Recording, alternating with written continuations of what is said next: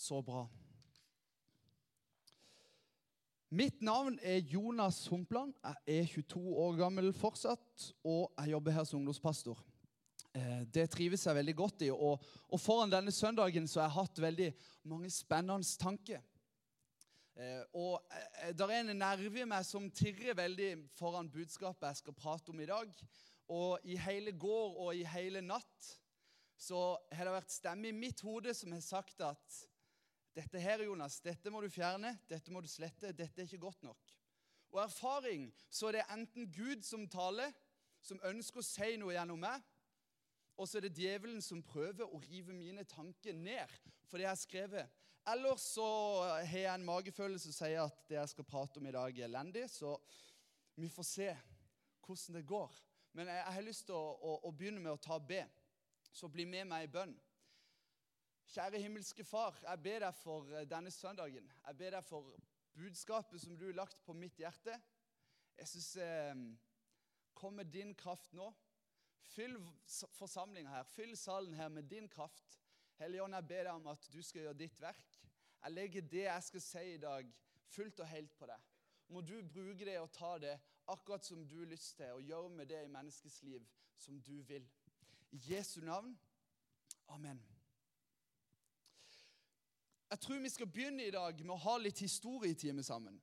Det er veldig bra, for Vi tar det kjedeligste faget på skolen, og så hiver vi inn en tale på søndag morgen, og så blir det det beste som kan skje. For i 1913 Er det noen som levde i 1913 her? Nei, fint. Da kan jeg si akkurat hva jeg vil. Veldig bra. I 1913 så hadde Norge 2,4 millioner innbyggere. Det er kjedelig. sant? Det er kjedelig. I 1913 så var det 15 000 par som gifta seg i Norge. Og det var kun 500 som skilte seg. Det er interessant, men det er jo kjedelig. I 1913 så vedtok Stortinget at kvinner skulle få stemmerett på lik linje som menn. Og I 1914 så utbrøt første verdenskrig. Og der var det mange stygge blikk.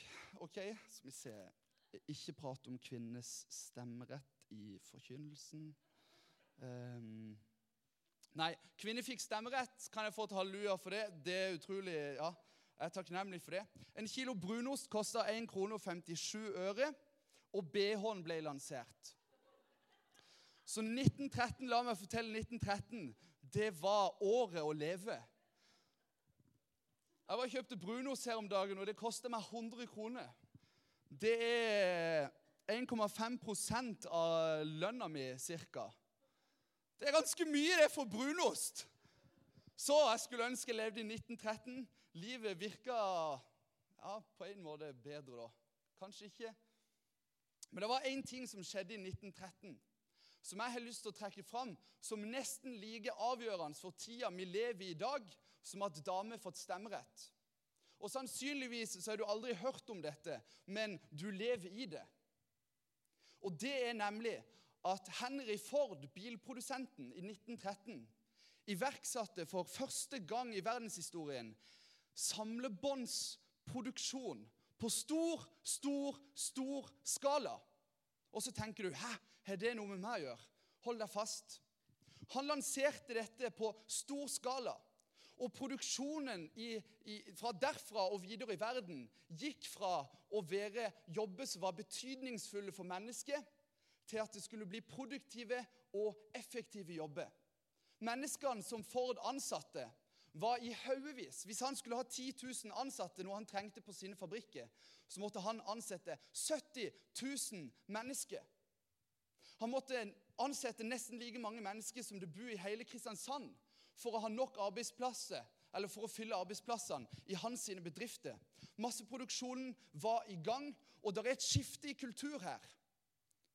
For i USA så er det et utspring av en kultur av noe nytt som skjer, som vi i dag har fått smerte av forferdelig. Det ville sannsynligvis skjedd før eller senere uansett. Men jobbene på den tida begynte å gå fra å være betydningsfulle til å bli meningsløse. De gikk fra å være menneske, en mekaniker som hadde et nettverk, som hadde folk han traff, folk han brydde seg om.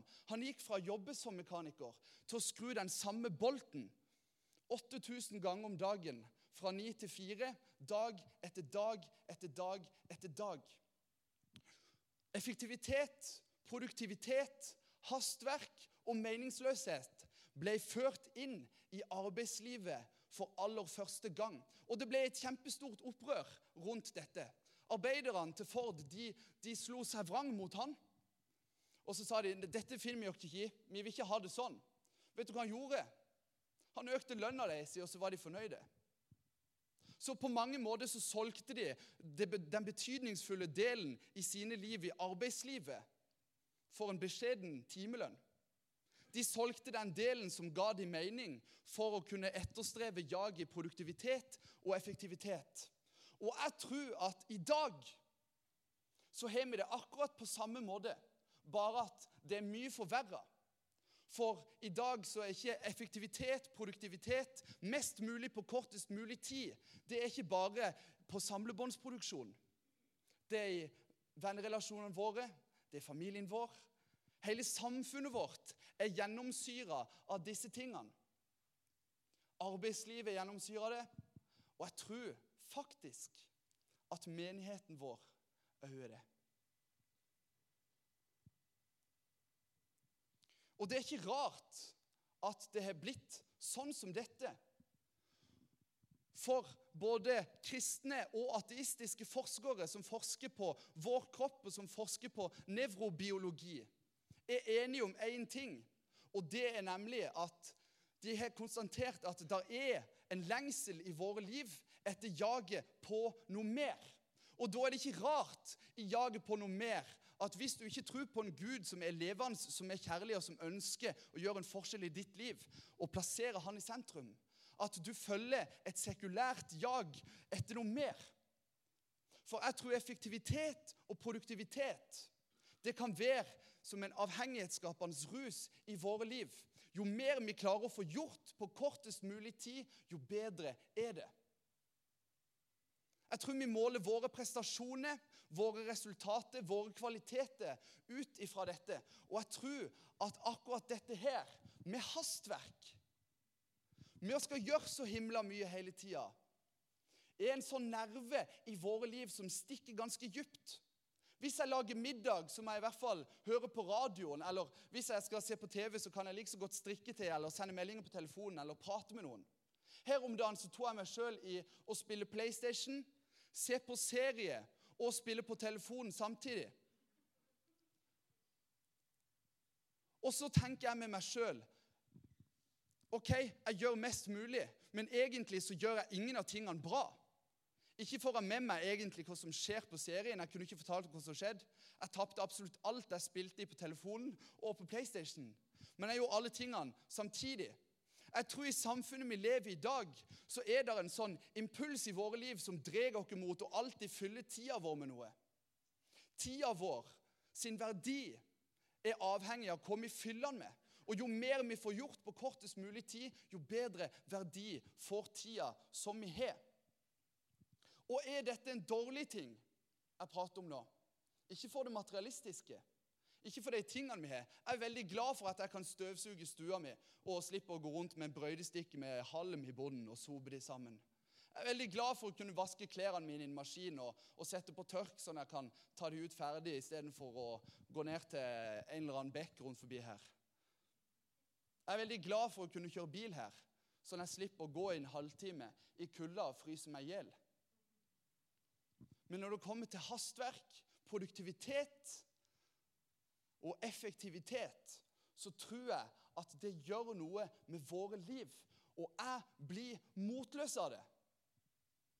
For det er så mye jeg skulle gjort, det er så mye jeg ikke får tid til. Og hvordan kan jeg få gjøre mer mulig av alle arbeidsoppgavene jeg har på kortest mulig tid, sånn jeg rekker å gjøre alt jeg har lyst til?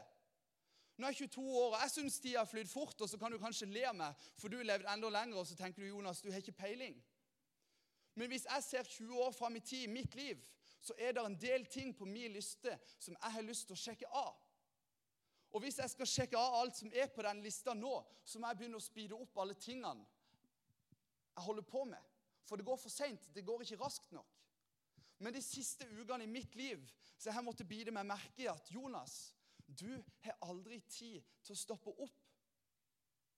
For jeg ser bare på alt som blir, skal gjøres, alt som blir gjort. Og hver gang jeg stopper opp, så gjør jeg det så sjeldent at jeg blir motløs av det. Og så leser jeg om Jesus i Bibelen. Jeg leser om en Gud som er helt annerledes enn dette. Jeg leser om Jesus som gikk her på jorda, og vi skal snart lese sammen om det. Han gikk her på jorda og var ikke bonde av å være spesielt produktiv. Jeg leser om en Jesus som levde i nuet. Som når det kom en samtale, når det kom noen personer som trengte omsorg, når det kom mennesker i hans vei som han skjønte at de trenger min kjærlighet, så hadde han tid til å stoppe opp. Og hvorfor? Jo, fordi han var ikke bonden av effektivitet, han var ikke bonden av produktivitet. Han var ikke fylt med hastverk. Han levde i nuet. Og Vi skal ta og lese litt i Bibelen, og så skal vi lese noen kjente historier. Men vi skal ikke nødvendigvis tale eller prate om, om essensen i det vi leser, men vi skal lese om hvordan Jesus er i disse hendelsene. Der var Jakobskilden. Jesus var sliten etter vandringa, og han satte seg ned ved kilden. Det var omkring den sjette time, altså midt på dagen. Da kom en samaritansk kvinne for å hente vann. Jesus sier til henne, 'La meg få drikke.' Disiplene var nå gått inn i byen for å kjøpe mat. Og Så skal vi stoppe det, og så skal vi analysere det helt, helt kjapt. Jesus var sliten etter vandringa. Og når du er sliten, så setter du deg ned for å hvile. Men han kom i prat med ei dame som kom ut midt på dagen. Og pga. at hun kom ut midt på dagen når ingen andre gidder å hente vann fordi at sola er midt på himmelen og det er helt grusomme forhold, så skjønner Jesus, kanskje som menneske, men i hvert fall som Gud, at hun her trenger min samtale. Han var sliten, han hadde vandra. Det var solsteik og sikkert 40 grader nede i Midtøsten der. Men han hadde allikevel tid i øyeblikket til å stoppe opp og flytte fokuset på mennesket som trengte hans oppmerksomhet. Og Så profeterer han inn i hos sitt liv, og det resulterer i at hun reiser til byen hun kom ifra, og evangeliserer og forteller alle menneskene som er der, om han, at Messias har kommet, kun fordi at Jesus hadde tid i sitt hastverk og i sitt strev og på sin vandring til å stoppe opp. Og For noen år siden så var jeg på Bali sammen med KRIK-klassen på Ansgar. Og Vi skulle på vulkantur. Jeg vet ikke om du har vært på vulkantur, men det kan jeg ikke anbefale på noen som helst måte. For vi gikk i 35 grader, og det var ca. 170% luftfuktighet. Og det var stup Eh, og vi skulle se soloppgang, og det anbefaler jeg heller ikke, for da må du begynne å gå midt på natta. Så vi går fire timer midt på natta, det er kok varmt, og du begynner å svette. og jeg var forferdelig dårlig trent. Og så kommer jeg opp på toppen, og så er jeg sliten, og så setter jeg meg ned. Og la meg fortelle deg noe. Hadde det kommet en ungdom med kjærlighetssorg med sida og satt meg på vulkanen der, jeg hadde ikke sett på dem. Fordi jeg var sliten. Min utholdenhet som menneske tok slutt. På det tidspunktet så har jeg lært meg at selv om mine krefter svinner hen, så kan jeg likevel flytte fokuset opp mot en Gud som ønsker å styrke meg når jeg går tom for krefter. Jeg hadde ikke lært meg på det, jeg hadde ikke skjønt at det hadde vært viktig. For jeg hadde vært nok med å se på åh, jeg er sliten. Å, det er mye som skjer nå. Uff, jeg må ned igjen. Tenk på alle disse tingene. Og så kommer alle disse bekymringene opp. Og så blir jeg sliten av det. Jeg hadde ikke orka å se mennesket selv om det trengte min oppmerksomhet. For når mine omstendigheter i livet blir prega av min utholdenhet, så skjønner jeg godt at vårt hastverk, vår effektivitet og produktivitet trumfer det å se mennesket. For det gir oss en følelse av tilfredsstillelse. Det gir oss håndfaste resultater. Og det kan være noe forferdelig drit noen ganger å måtte ofre seg for at andre skal ha det godt. Men jeg tror at det er stor, stor vinning i det. Vi skal lese videre i Markus kapittel 10. De bar små barn fram til ham for han skulle røre ved dem. Men disiplene viste dem bort. Da Jesus så det, ble han sint og sa til dem.: La de små barna komme til meg, og hindre dem ikke, for Guds rike hører til slike som den.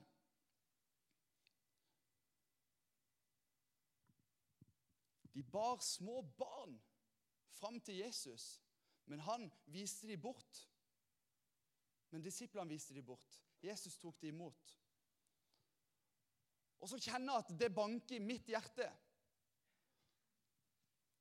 For hvis du ikke visste det, så dette her verset her, dette er vår nåværende situasjon i menigheten. Online og søndagsskolen. Online er ikke så mange i dag. fordi at en god del av, av, av barna som er der, de er ledere på søndagsskolen, for det òg trenger ledere.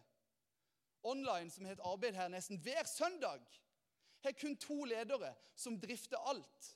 Og så har vi små barn som løper Jesus i møte søndag etter søndag etter søndag. Men vi som disipler viser dem vekk. Vi har ikke tid til det. Vi har det travelt. Vi er produktive, og vi skal være effektive og få ting gjort i våre liv, i vår hverdag. Og så er det små barn som løper til Jesus. Og så er vi like gode som disiplene og ikke klarer å stoppe opp i øyeblikket. Og se menneskene som er der foran dem, og som så sårt trenger vår ledelse. Som trenger vår livserfaring, som trenger at vi stepper opp. Og så tenker du kanskje med deg sjøl ja, det er noen som må gjøre det. Men det er ikke meg. For jeg har ikke gavene. Jeg har ikke talentene til det. Jeg er ikke god nok til det. Jeg kan ikke holde andakt. eller De syns ikke at jeg er relevant. Men jeg tror på en Gud som kan bruke kanskje det du ser på lite, som noe ufattelig stort for andre mennesker. Når disiplene avviser det, så, så leser vi at Jesus blir sint. Og jeg kjenner nesten at jeg blir litt sint òg. For her inne i dag sitter vi kanskje 50 stykk som hver og en av dere kunne gått inn der og bare vært der og sagt hei, i dag vil jeg lese et par vers for dere. Og så kunne du stoppa med det, og så hadde det vært godt nok. Og så kunne du fått hjelp og veiledning til å finne leker og alt mulig. Men vi har ikke tid. Og jeg kjenner at jeg blir forvirra av det. For vi som menighet har et oppdrag fremfor alt. Og det er å gi Jesus videre. Vi skal gi Jesus videre til neste generasjon og til generasjonen som kommer etter. Men vi skal også gi Jesus videre til de som er like gamle som oss. Og hvis vi ikke klarer å gi Jesus videre til de små barna som springer Jesus i møte i gang, så lurer jeg på meg sjøl Er det håp for dette? Jeg blir motløs, jeg blir sliten, og jeg blir forvirra av det. For vi som mennesker lever i et samfunn ja, der vi er prega av at alt skal være lina opp. Det skal rase unna, det skal gå i en fart. Hvis jeg skal lage middag, så skal det ikke ta lenger enn ti minutter, for jeg har ikke tid til mer enn det. Før jeg må på jobb igjen, eller før jeg må kjøre barna mine til fot Jeg har ikke barn, men dere skjønner. Før jeg kjører barna mine til fotballtrening eller på korps. Vår hverdag er så plaga av hastverk at jeg tror det ødelegger sjela vår fra innsida, og det spiller seg ut på livet vi skal leve i relasjon sammen med andre mennesker. Og dette er superalvorlig. Og så har jeg lyst til å komme med et vitnesbyrd fra mitt liv. For Forrige helg så var jeg på konferanse, en konferanse som heter 'Gi Jesus videre'. Og det var så bra. Vi lærte, vi ti-tolv som reiste her fra menigheten, lærte så mye bra om det som de holdt på med der. Men i bilen på vei hjem så prata vi litt om, om inntrykk og hvordan følelser vi satt igjen med. Og Da delte jeg fordi jeg kjørte bil i sammen med at jeg er veldig inspirert, men jeg er motløs. Jeg ser på oppdraget vi har fått som menighet, og så ser jeg at det er ufattelig stort. Og så ser jeg en større gruppe mennesker som, der alle er for opptatt med sitt til å egentlig kunne sette av litt tid til å stoppe opp litt i øyeblikket som Jesus. Til å løfte blikket litt ekstra for å nå menneskets frelse. Jeg, jeg, følte meg motløs, jeg følte meg tafatt, nesten litt irritert i bilen. For du får høre så mange gode historier fra andre menigheter andre plasser som får det til, og som virker til å ha alt på stell, og så har de sikkert ikke det. Men så tærer det litt på meg, for jeg har så lyst, og hjertet mitt er så stort for lista for denne plassen, til at vi skal gjøre noe mer. Og Så kommer vi hjem sent lørdagskveld, og så kommer jeg inn i leiligheten min, og så får jeg ikke sove. Og så vet jeg ikke hva jeg skal gjøre, og så, og så går tida, og klokka blir halv ett, ett. Og halv to så kjører jeg opp her. Og i min fortvilelse så tar jeg en pause i mitt hastverk, i min motløshet. Så har jeg med meg Bibelen min. Og så finner jeg fram gitaren min, og så står jeg her midt på natta fram til halv tre alene og lovpriser Gud. For jeg kunne ikke gjøre noe annet. Og etter å ha vært i bønn og bedt spesifikt om å få et eller annet å lese, så, så er det en gjennomgangstanke i mitt hode som sier Jesaja 40, Jesaja 40, Jesaja 40. Og så slår jeg opp i Jesaja 40. Og hva leser jeg der? Ingen verdens ting. Det er ingenting som taler til meg. Og leser Jesaja 41 og 42 og 43 og 44 og 45. Og så begynner jeg på 46 og så går jeg dritlei. For her hadde jeg gitt hele natta mi, hele kvelden, i lovprisning og bønn til en Gud. Jeg hadde stoppa opp for å peke på Han. Og så vil han ikke tale til meg gjennom Skriften. Jeg blir utålmodig. Og så begynner jeg å lese litt i kapittel 46. Og så skal jeg til å lukke Bibelen. Og på dette tidspunktet så er klokka halv tre på natta. Og idet jeg begynner å lukke Bibelen og sier meg fornøyd med å lese, så hører jeg en damestemme som sier 'Jonas'. Det var ikke til å ta feil av.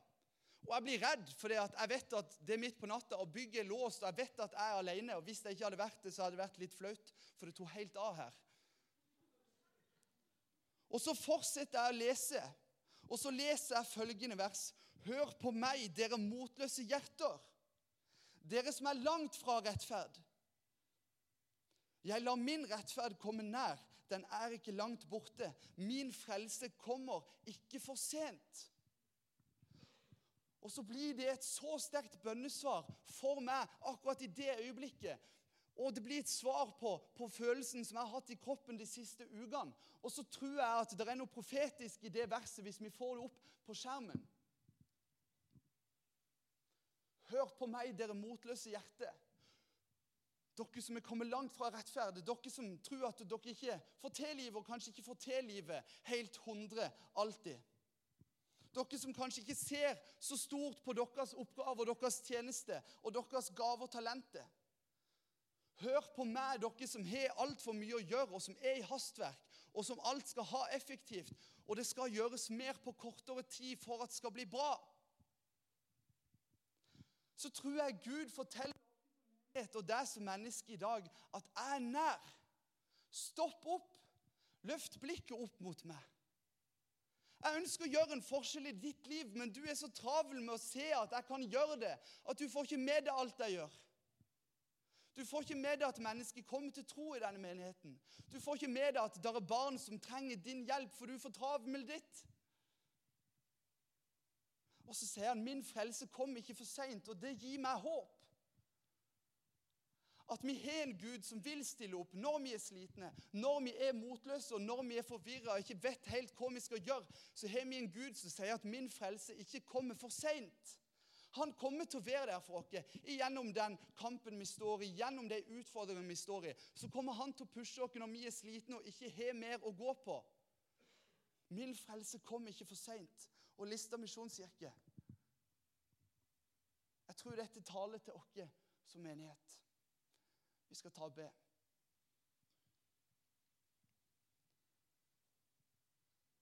Kjære Jesus. Takk for det at det er søndag. Takk, Jesus, for det at vi kan få lov til å stoppe opp denne søndagen for å tilbe deg. Stoppe opp for å prise deg. Kom i sammen for å tilbe den du er. Jesus, jeg ber deg for alle menneskene her i dag som kjenner at jeg har en altfor travel hverdag. Jeg må få gjort mye mer enn det jeg klarer å gjøre nå.